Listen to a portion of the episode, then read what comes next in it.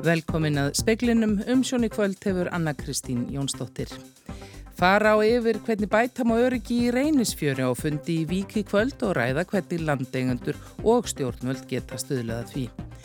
Landsmenn strauðu kortin sín erlendis í síðasta mánuði sem aldrei fyrr kortanótkunnin tvöfaldaðis milli ára og nýtt met var sett í kortanótkun erlendis. Lúsmi er farið að hægja á landsmenn og færri þeirra útbyttnu koma stað hjá ofnami slagni en vilja. Það byrja, var byrjað að framfylgja banni við innflutningi á vöru frá Xinjiang hér að í Kína í bandaríkjum í dag. Bandaríkjastjórn sakar kínveri um þjóðarmorð og segir fólk þar vinna nöðungarvinnu. Og það er ekki horfar á að spilling hverfi úr stjórnmálum og rómansku Ameríko næstu árum segir profesor í spænsku við Háskóla Íslands oft sé stutt á milli greiða og múta.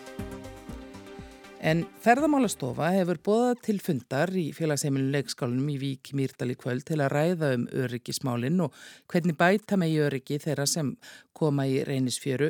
Magnús Geir Ejjálsson fréttamaður allar að fylgjast með fundunum í Vík í kvöld en Magnús, hvað er þetta núna?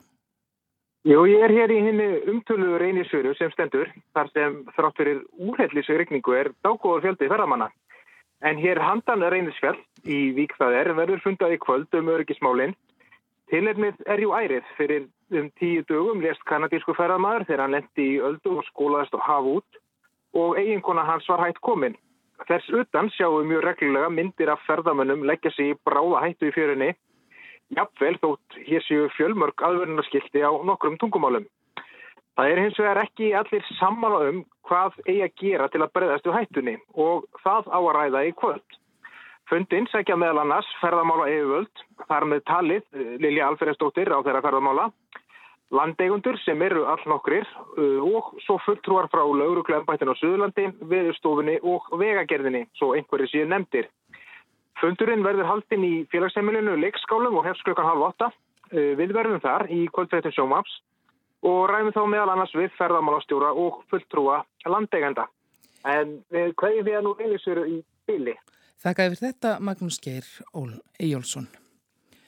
Banaslís varð á djúpavogi í hátteginu, erlendur ferðamæður á sjötusaldri varð fyrir liftara og var úrskurðaði látin á staðnum. Slísi er til rannsóknar hjá lauruglunni á Östurlandi. Og vegurinn um Holtaverðuheiði hefur verið lokaður síðan á fjórðartímanum í dag eftir umferðar óhapp að sag sjónarvottar vald hjólhísi sem var aftan í bíl. Hjólhísið þverar nú vegin og bálkvast er á heiðinni. Mörg hundru metra bílaröð myndaðist á hringveginu en það verið að fjarlæga hjólhísið og bílinn á honum. Vilja yfirlýsingum heldar endurskoðun og þjónustu við eldrafólk var undirrituð á kjarvalstöðum í dag. Kvorki upphæðir nýja tímasetningar eru þar til greindar. Guðmundur Ingi Guðbrandsson, félags- og vinnumarkasráð þeirra segir að þegar heldstað áallunum breytingar og þjónustu verður tilbúin komi nánari og tímasett áallun. Tryggja á eldrafólki samhæfða þjónustu við hæfi á réttu þjónustustígi og á réttum tíma, hvort sem umra ræða stuðning þjónustu á vegum sveitarfélaga eða heilbriðistjónustu á vegum ríkisins. Tölurnar liggja ekki fyrir, fyrst er að koma fram með heilstæða aðgerðar áætlun um uh, þessar breytingar á þjónustu við eldrafólk og við erum að stefna því að leggja hana fram sem þingsáleituna tillögu næsta vor. Guðmundur segir að þjónusta við eldriborgara þurfa að vera einstaklingsmiðaðari. Samþætta þurfi félags- og helbriðstjónustuna. Einnig þurfa að bjóða upp á búsetúræði sem gætu hendað starri hópi og fleiri geti búið heima hjá sér lengur. Það munir dragur þeirri miklu þörf sem er á uppbyggingu hjúkurnarheimila. Markmiðið er að bæta lífsgæði þessa stóra hóps meðal annars með því að fólk geti verið lengur heima hjá sér. Bjarni Benediktsson, fjármálar á þeirra, segir að breytingar verði sínilegar strax á þessu kjörtímabili. Í þessari yfirlýsingu er talað um það að uh, mæta betur þjónustu þörfum eldra fólks á forsendum þess sjálfs sem er í mínum höfadaldið líkil atriði hinga til held ég að við höfum of mikið verið að veita þjónustu og menn hafa þegið þjónustu á forsendum stjórnvalda eða hins ofinbera. Helgi Pétursson, formaður landsabands eldriborgara, segist bjart sýtna á að efni vilja yfirlýsingarinnar raungirist sem fyrst. Það verður að ta tala og alltaf verður að benda okkur á heilbriðistjættir og aðrir sem eru ábyggi fyrir þessari þjónustu. Það er alltaf að segja, sko það þarf að samþætta hlutina, það þarf að vinna að samþættingu, það, þetta er allt til. Við þurfum ekki að, að hrúa einn fullt af peningum til viðbútar, leggjumst yfir þessa samþættingu og ég, það er það sem ég finnst vera svo spennandi við þetta sem að, er að það er og menn hafa hlustað á það. Saði Helgi Pétursson, urður örlugstóttir tók saman. Íslendingar hafa aldrei verið eðslu gladari í útlöndum en í síðasta mánuði en þá var sett nýtt met í kortaveltu Erlendis. Þótt fréttur um hækkandi verð á matvælum húsneið og elsneiti hafi verið ábyrjand undanfarið og verbulga sé svo mest í meir en áratug, dregur ekkert úr áhuga Íslendinga á að ferðast til útlanda og kaupa þaðan vör og þjónustu. Íslendinga meir en tvöföldu kortanótkun sín Erlendis í mæ frá sama mánuði fyrra. Þetta kemur fram í Hagsjá Hagfræðdelda landsbankans sem byggðir á nýjum tölum Sælabankans. Ekki nómið það heldur af Íslendingar aldrei gjálfært hæri fjárhæður á kortin sín Erlendis en í síðasta mánuði, tæpa 23 miljardar króna. Það er 120% aukning mill ára. Það er ekki aðeins út frá Íslendinga eftir COVID-takmarkani sem byrtist í kortanótkun landsmanna. Kortaveldan jógst um tæp 17% millimána þegar allt er talið með, þar af um 4% innanlands. Þetta segir Hagfræðil landsbankans að sé til marsum mikinn gangi í hagkerfinu. Ekki er nómið að Íslendingar gjálfæri korsin erlendi sem aldrei fyrr, bæð á ferðalögum og í verslunum á netinu, heldur streyma þeir úr landi sem mest er mega. 65.000 Íslendingar flug af landibrátt í mæ, fleira en nokkru sinni fyrir í þeim mánuði. Fyrra met var 63.000 brottflognir Íslendingar í mæi 2018 fyrir fallváer og COVID-faraldurinn. Næsti vaksta ákverðan að dagar Sæðlabankar sér á morgun og þá er við búið að stýruvextir verð hækkar enn frekar til að spórna gegn þensli í atvinnulífi og verðbólgu. Brynjólu Þór Guðmundsson sagði frá. Bann við innflutningi á vörum frá Xinjiang héræði í Kína tók gildi í bandaríkjunum í dag. Utanríkis ráð þeirra bandaríkjana segist nú aflega stuðningsvina þjóða í átaki gegn nauðungarvinnu. Bandaríkjastjórn sakar kynversk stjórnvöldum þjóðarmorða og ígúrum í héræðinu. Þjóðflokkurinn er sömuleiðis aður sæta ofsóknum og nauðungarvinnu. Joe Biden bandaríkjaforseti undirritaði nýja lögjöf í desember síðastlinum sem bannar allan innflutning á vörum frá héræðinu. Byrjað var að framfylgja þessum lögum í dag. Ekki verður heimilt að flytja inn vörur frá Xinjiang nema hægt sé að sanna með óeikjandi hætti að þær hafi ekki verið framleitar að neinu leiti í nöðungarvinnu. Antoni Blinken undaríkisáðara bandaríkjana sagðist í yfirlýsingu eiga í viðræðum við vinaþjóðir bandaríkjana um að skera upp herur gegn nöðungarvinnu og gegn ofsóknum í Xinjiang. Hann kallaði eftir því að ríki heims krefðust þess að kínversk stjórnvöld hættu mannréttindabrótum í héræðinu. Ríkistjórn Kína hefur hafnað þessum ásökunum. Talsmaður kínverska utanríkisraðanetisins sagði í morgun að þetta væri hauga líi. Bandaríkja menn vildu auka atvinnuleysi í Xinjiang og þrýsta á ríki heims að hætta viðskiptum við Kína. Kínverjar höfnuði upphafi að þeir starfræktu fangabúðir fyrir Uigura í Xinjiang en sögðust síðar hafa komið upp endurmentunarbúðum til þess að uppræta aukahyggju og hriðjuverka samtök. Þórgnýr Einar Albertsson sagði frá. Lúsmí virðist herja mjög á landsmenn þessa dagana, margir leita til ofnæmisleikna vegna bitana en ekki komast allir að. Björn Rúnar Lúðvíksson er yfirleiknir á ónæmisfræði til landsbítalans.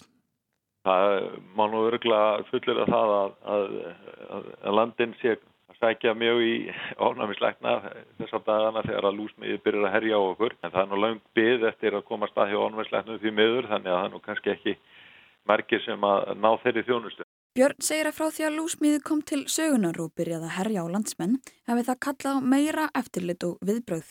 Þá helst við að veita aðstóði í alvarlegustu tilvikunum. Hann nefnir nokkur hefðbundin úrreð til að forðast bytt. Hann segir gott að setja neti í glugga sem séu ofnir og hafa viftur í gangi til að halda lofti á hreyfingu þar sem flugunar þóli ítla vind. Og ef að fólk er síðan byttið að, að þá er hægt að nota svona kláðastillandi áburði og svo að bera á byttin líka stera ábyrg sem hægt er að fá án uh, livsseðils. Það yfirleitt gengur þetta svona yfir á svona 2-4 dögum en ef að fólk er mjög illa farið og fær mjög sló, miklar og, og bolgur þá í einstaka tilvikum að þá þurfum þá að ber, uh, beita miklu sterkari livjum sem, sem kreifjast á livsseðils og álit læknis og, og stundum jafnvel að setja fólk á styralif en það er í undatækninga tilvöku. Saði Björn Rúna Lúðíksson, Rebekka Líf Ingadóttir talaði við hann.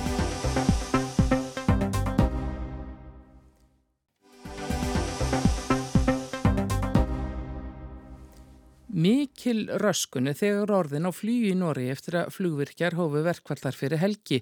Búist er við að um komandi helgi falli flug meir og minna niður nema samningar náist fyrir þann tíma. Sumafrí í Nóri hefjast almennt í kringum Jónsmessuna og margir óttast að sitja eftir heima með verðlösa flugmiða. Gísli Kristjánsson tekur við.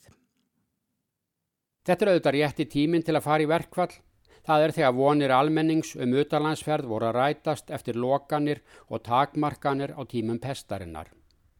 Loksins færi á að fara í frí, söður að miðjararhafi eða hvert sem er í heiminum. Frí hefjast almennt hér með Jónsmessunu, þá var skólum lokið og eftirspurn eftir ferðum hefur verið með besta móti, rýfandi sala á sætum. Forraðamenn flugfélagana því kátir með líflegan markað eftir meira en tveggja ára kreppu og kóf en þá hrannast skíin upp á heiminn ferðamennskunar. Það er ósamið um kaup og kjör hjá flugvirkjum.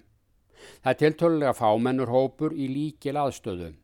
Engin flugvél er send á loft að hans öllum öryggiskröfum með eftirlit og viðhald vélana hafi verið fyllt.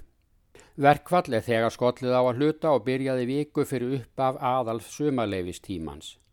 Flugfjölaugin eru byrjað að fella niður ferðir, fimm í dag hjá Norvítsjan og álíka fjöldi hos SAS líka innanlands. Og þetta er bara byrjunin ef samningar nást ekki. Strax eftir Jónsmessuna má rekna með að almenningur standi eftir með farmiðana í símum sínum án allra ferða, nema samningar náist. Síðasti fundur flugvirkja og vinnuveitenda var fyrir helgi og fulltrúar begja gengu að fundi og hristu höfuðin. Ekki nokkurt viðlit að finna grundvöld fyrir samræðum hvað þá meira. Engin flötur á málinu sem hægt er að nota sem upphaf viðræðna, svo segja báðir. Ástæðan er að flugvirkjar vilja 18% launahækkun. Þeir segja mjög treglega að gangi að fá ungt fólk til að læra flugvirkjun. Enduníun í greininni því lítil og því eitt til ráða að hækka laun til að freysta þannig nýliða til að gerast flugvirkjar. Vinnuveitundur segja móti að laun í greininni séu álíka okkur öðrum hópum með álíka mentun. Á það er bent að lauruglumenn, hjúgrunarfræðingar og bílstjórar hafi samið um 3,7% hækkun. Það er launahækkun í samræmi við samflotið sem gilt hefur á norskum vinnumarkaði frá árunum 1935. Fyrst er metið hvað útlutnisgreinarnar þóla af launahækkunum, svo fá aðrir hækkun í samræmi við það. Og þá er fríður að kalla á vinnumarkaði. Þetta eru 3,7% í ár en ekki 18% eins og flugvirkjar vilja. Deilan snýst ekki bara um laun fyrir flugvirkja, heldur sjálft samflótsmódelið sem komið er á nýræðis aldur. Þetta getur endað með gerðardómi, en ef ekki þá falla niður allar ferðir með flugvjölum skráðum í Noregi. Undantekning er þó að tvö nýstofnuð flugfjölug, Flýr og Nors, kaupa ekki þjónustu af flugvirkjum í norska stjættarfélaginu. Þau fjölu gætu því hagnast á verkvalli en gömlu flugfélögin verða sæta því að fyrirvara laust fæst ekki þjónust af flugvirkja og flugið fellur nýður með skömmum fyrirvara. Jafnvel eftir að farþegar eru mættir við hlýðið. Það eigur ekki á fallegar hugsanir ferðarfólks í gard flugvirkja. Margir sjá því fyrir sér að ferðin sem átt að fara strax eftir Jónsmessuna verði aldrei farin. Við þetta bætist svo að flugfélögin er ítla stött eftir pestina SAS er talið á barmi gjaldtróts, viðskiptamiðlar spá því að félagið verða sækjum greiðslustöðun síðar í sumar og fjárhagslega endur skipulagningu. Gjaldtrót af öðrum kosti.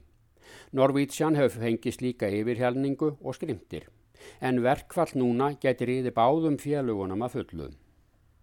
Tjón almennings gæti líka orði mikið því flugmiðar í verkvalli fást ekki endurgreittir. Fríið því glatað hjá þeim sem ætluðu með flugi. Því er ekki annað til ráða en að fylgja gömlum og góðum norskum síð, axla bakpokan fylltan með brauði og brúnosti og öðru nesti og ganga á fjöll með slittna leðurskóna á fótum. Víða í Rómansku Ameríku verist stutt á milli greiða og múta og ekki horfur á að spilling hverfi úr stjórnmálum álfunar á næstu árum, segir Holmfríður Garðarstóttir, profesor í spænsku við Háskóli Íslands. Hún hefur farið víða og fylst með stjórnmálunum þar um áratuga skeið, þó að nú verist örli til reyfing, til dæmis í Kólumbi og Tíle, er valdaelitan sem ræður álfunni nánast svo sama og verið hefur frá því á 19. öll þegar löndin fengur sjálfstæði. Spilling er mjög yngráin í samfélagsgerðina og hún byrtist í litlum hlutum og stórum. Kennurum eru færiðar sultukrökkur þegar kemur að því að skila engunum á meðan fósettum eru færiðir rálegsúr og þessi aðgreining á því hvað er greiði og hvað er að kaupa sér aðgengi að gögnum eða gæðum er ekkert alveg skýr og þetta er mjög samofið. Þannig ég held að sko breytingar á því taki, ég veit ekki hvort það gerist nokkur sinni, en það sé ég ekki fyrir mér á einhverjum næstu árum. Hún bendur á að fyrir um 10-15 árum hafi orðið hreyfing til vinstri í stóru ríkjunum í álfunni því mætt með mikilli spinnu aftur til hægri og nýfrálsíkjum. Þetta er svona eins og pendull og núna er má alveg ræða að það sé svolítið hreyfing og kannski ekki langt til vinstri heldur frekar í svona sósjaldemokratisma og það sást svolítið þegar að e, samtöku Ameríkuríkja hittust um daginn í bandaríkjónum, bætin bóðaði til fundar, hann bauð ekki Kúbu, Venezuela og Nicaragua sem eru yfir líst hann kallar það einræðisríki eru yfirlýst vinstri sinnur í stjórnmálum og Mexiko tók þá afstöðu að mæta þá ekki af því að þau lita á þetta sem útskúfun.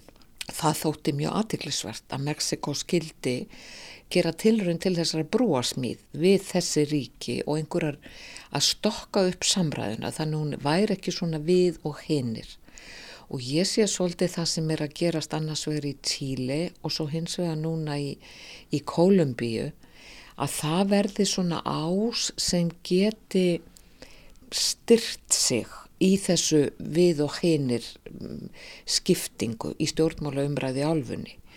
Uh, Bórik sem var kosin til valda í Tíli fyrir tveimur árum, tæplega, Hann er auðvitað fyrsta sem hann gerði var að setja á fót eh, stjórnlaganemnd sem er að leggja fyrir nýja stjórnarsránun í haust.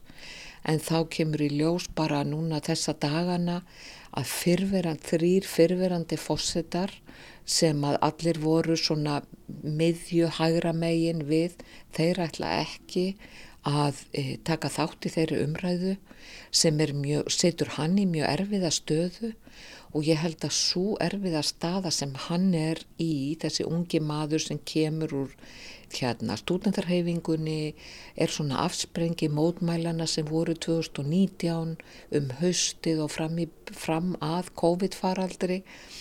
Það voru mikla væntingar bundna til hans, rétt eins og er að gerast núna í Kólumbi. Það eru mikla væntingar og væntingarnar eru frá þessum 40% landsmannar sem búa við eða undir fátaktamörgum og svo svona mentaðra millistjætta fólksins.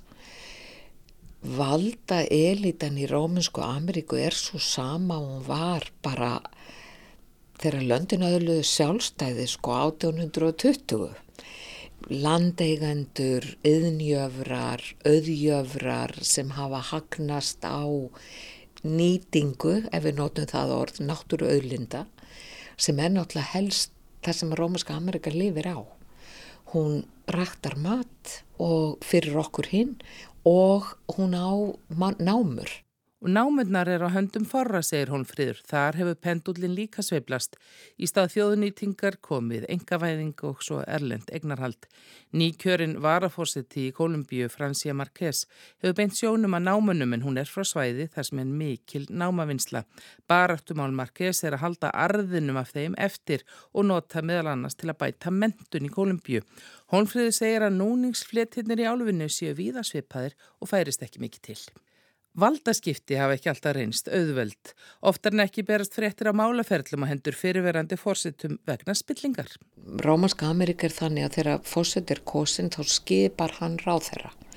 Þannig að það eru algjörum skipti og þannig að það byrja upp á nýtt og spillingin í mörgum þessara landa hefur verið tengd byggingaðinaði annars vegar ólíu yðinaði eins og hefur verið í Brasilíu og svo auðvitað eitulifja viðskiptum sem fara og aftur hefur Rómaska Ameríka auðvitað verið framleiðslu staður fyrir Vesturlönd. Neyslan er í Bandaríkjónum og Evrópu og framleiðslan er í Rómaska Ameríku og til þess að tryggja það að þetta, þessi framleiðsla, tiltekna framleiðsla fari þanga sem hún á að fara þá er bara keiftar aðgönguleiðir. Og nýjasta dæmið eru þetta fósiti Honduras sem var að fara frá völdum. Að það er sem sagt búið, það búið framselja handi bandaríkjana einmitt á þessum fósindum yfir ásakaðurum hafa, hafa auðveldað flutning á eitilugum í gegnum Honduras á meðan hann var við völd Lula sem var í Brasilju hann var ásakaður einmitt að fyrir að hafa þegið íbúð að gjöf fyrir einhverja uh, velvild við bygginga uh, fyrirtæki. Hann var ásakaður, fór í fangilsi, saksóknari fær tækifær til að leggja fram sannanir og svo eru þær engar. Þannig hann er núna aftur frjáls og mun gefa kost á sér að öllum líkindu fyrir næstu kostningar. Þannig að meðan þú ert fósetti þá, þá er ekki hægt að lögsakja þig. Þannig að það gerist mjög gætnan hvort sem ástæða er til eða ekki af því það er líka leið til að taka þig úr umferð fyrst á eftir á meðan næsta stjórn er að koma sér fyrir, skipa sitt fólk skapa sér um, ráðurum til að gera það sem að ný stjórn ætlar að gera. Og Peru er eitt af þessum löndum það sem er alveg ótrúlega frá mínum bæjardir að séð sko döpur saga. Það hefur vorið tíð stjórnaskipti og hver fyrirverandi fósitt á fætur öðrum og jápil áður en þeir fara frá völdum eru ásakaður um spillingu og margir auðvitað verið demdir eh, fyrir það. Þannig að já, þetta er, þetta er þrástef sem að virðist einhvern veginn ekki ganga eða ekki takast að uppræta og það gerist þrátt fyrir að fyrirheit frambjóðanda snúist oftar en ekki um það einmitt að uppræta spillinguna. Undibúningur er hafin að því að gera dómskerfið hér stafrænt. Vonir standa til að verkefni verði langt komið árið 2026. En hvað þýðir það? Sigurður Tómas Magnússon, hæstarittadómari, er formaður stjórnar dómstólisíslunar. Stafræn framtíð þýðir dómskerfi sem byggist meir upp á gagnvirkni þar sem að lögmenn og bara hreinlega almenningur sem vil leita til dómstóluna geti sendt gögn inn á staðlöðu formi til dómstóluna sem sjá síðan um að senda tilkynningar til gagnaðila um að þeir geti tekið til varna í málinu innan einhverst ákveðin tíma. Þannig að fyrstu skref dómsmáluna verði meir og minna rafræn. Sérstaklega náttúrulega mál sem að líkur á þess að gagnaðili vilji skipta sér nokkuð af þeim. Eh, mál sem að hins vegar er tekið í varna í, þau fara náttúrulega fljótlega til þess dómara sem síðan mun fjalla um þau og framhaldi verður þá ímest í fjarfundaformi fram að aðalmeðferðinni, þar sem við þekkjum þegar munlegum málflýtningurinn og skýslutökurna fara fram. En þá auðvitað erum við komin inn í allar þessar meginreglur um að það verið að millilega laust beint fyrir fram á dómanunum sem dæmi málið og, og ofinbert þannig að almenningur og fjölmjöla getur fylst með. Þannig að við erum svona að hugsa þetta, hvar, hvar er heppilegt að, að við getum haft stafræna lausnir og hvar er nöðsynlegt að halda þessum mannlegu tengslum, nervurunni. Þannig verum ekki allavega ennþá farin að tala um það að já, tölfur gæti já, verið betri en, en mannfólkið í að komast að eitthvað svona réttri lagalegri niðurstöðu í málum eða, eða hvað? Sko það er auðvitað mjög fjarlæg, fjarlægu möguleiki að, að það verði en það er samt sem áður það er auðvitað sko það er þetta nota tölfur og gerfigrein til þess að greina eins að þætti máls sérstaklega í svona einföldum stöðluðum málum ekki þannig að þær leggja eitthvað loka dómamáli heldur til að hjálpa dómarannum við að finna raunverulega tæknilega rétt að lustn málsins. En ég sé ekki framtíðina fyrir mér þannig að fólk vilji láta velar dæma sig. Ég sé það ekki. Nei, einmitt, en þú tala samt um svona ákveðna umbyltingu í dómskerfinu, í hverju svona fælst hún, er það umverulega bara Já, svona nánast svo að skilja að dómskerfið sé svolítið eftir á í bara þessum hlutum sem okkur finnast sjálfsæðir í dag varðandi skjöl og, fleira, eða hvað? Já, við höfum ofsalega mikið byggt á því dómskerfinu sko að, að fólk komi fram fyrir dómara sjálft og þetta fari fram með þessum, þessum beina hætti en byltingin fælst fyrst og fremst í þessum, þessum gagfæmni bæði að, að almenningur og lögmenn geti sendt gögn til domstóluna beint á þess að vera mæta í þingköld sem snúast bara um það að taka móti gögnum og síðan líka miðlunni frá domstólunum aftur þannig að, að þú fái bara mína síður hjá domstólunum þar sem að gögnin þín, þú eru aðgang af þeim og gögnun sem gagnaðili hefur eftir máli. Aðrar þjóðir hafa verið að taka þessi skref, hér eru sérsfræðingar frá löndunum hérna í kringum okkur mm. Um, hver, hver er einslan svona, þar sem að, þetta er komið aðeins lengra en hér á landi? Sko, við erum vissuleiti svolítið heppin að það eru aðri komin lengra við vegna þess að, að þeir eru búin að gera mistök. Þetta hefur verið erfið, erfið leið hjá þeim því að það er svo margt sem þarf að huga í réttakjörnu, réttar öryggi og allar þessar meginreglur sem við verðum að stýðast við.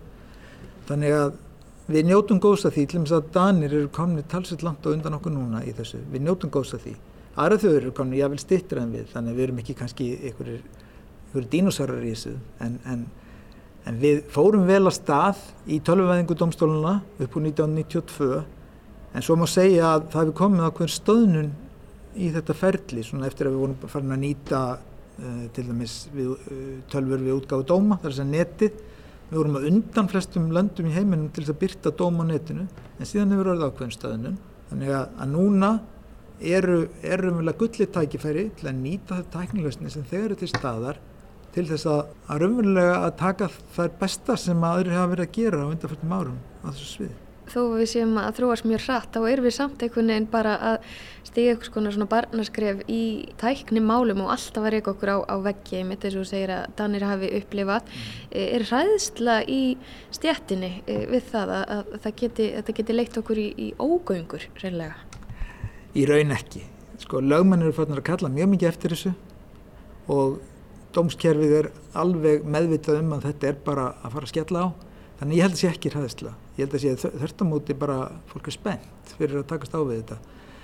Og ég, sko, við erum ekki að tala um einhverja sko, gerfi greint eða eitthvað, eitthvað ómanneskjulegt dómskerfi.